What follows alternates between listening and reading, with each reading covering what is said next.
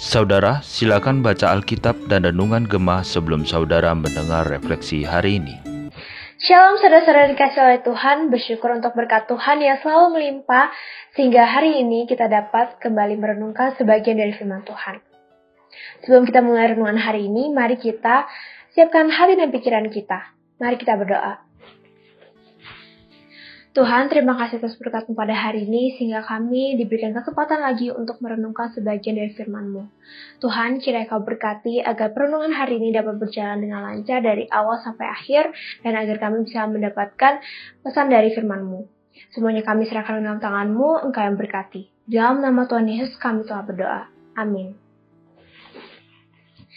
Saudara-saudara dikasih oleh Tuhan, tema pada renungan hari ini adalah Tuhan Hakim yang Adil.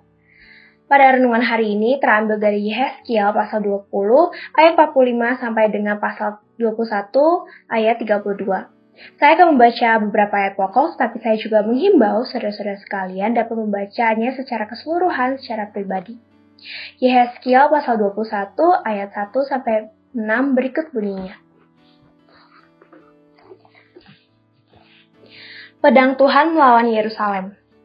Datanglah firman Tuhan kepadaku, Hai anak manusia, tunjukkanlah mukamu ke Yerusalem, dan ucapkanlah banyak teguran terhadap tempat kudusnya, dan bernubuatlah melawan tanah Israel.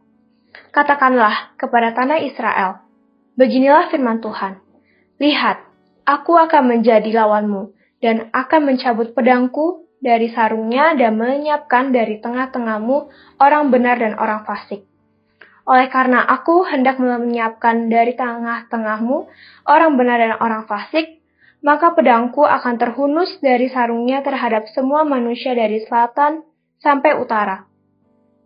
Dan semua manusia akan mengetahui bahwa aku, Tuhan mencabut pedangku dari sarungnya sehingga tidak akan kembali lagi ke situ.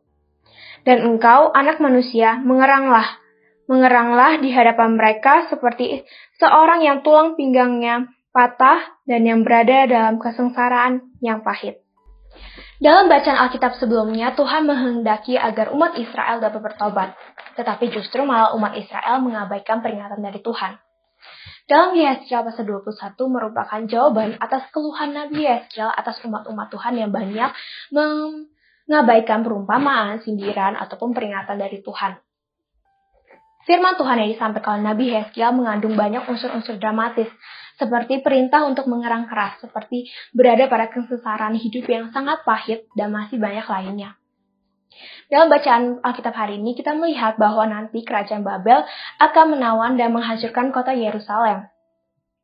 Dan di sini, kerajaan Babel merupakan pedang dari Tuhan, dan perlu diingat bahwa hukuman yang diberikan Tuhan merupakan hukuman yang adil dan perlu ditakuti.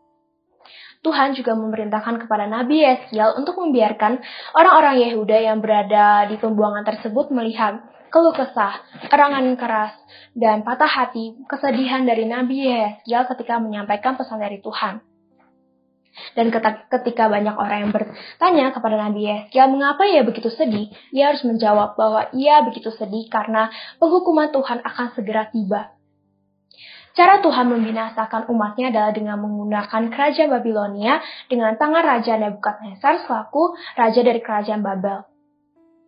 Tuhan mengendalikan Raja Nebukadnezar untuk melakukan kehendaknya. Di satu sisi, bagi para pemimpin Yehuda, menurutnya mereka keputusan Tuhan ataupun arahan Tuhan ini merupakan hal yang salah karena harusnya Tuhan mengarahkan Raja Nebukadnezar untuk menawan bangsa Bani Amon yang jauh lebih jahat daripada Israel. Dan pemimpin Yehuda juga melakukan sumpah setia atas tanggapannya janji Tuhan kepada bangsa mereka. Dan mereka kira dengan hal ini Tuhan akan terus membela mereka. Dan ternyata itu salah.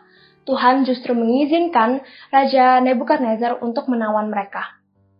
Dan di satu sisi, para bagi para bangsa Bani Amun juga akan mendapatkan hukuman yang adil dari Tuhan. Karena mereka diam-diam itu mengepung dan menjara bangsa Yehuda ketika Yerusalem dikepung. Saudara-saudara dikasih oleh Tuhan, perlu diingat bahwa Tuhan merupakan Tuhan yang adil dan panjang sabar. Tetapi perlu diingat juga Tuhan tidak akan mentolerir ketika umatnya terus nyaman hidup dalam dosanya.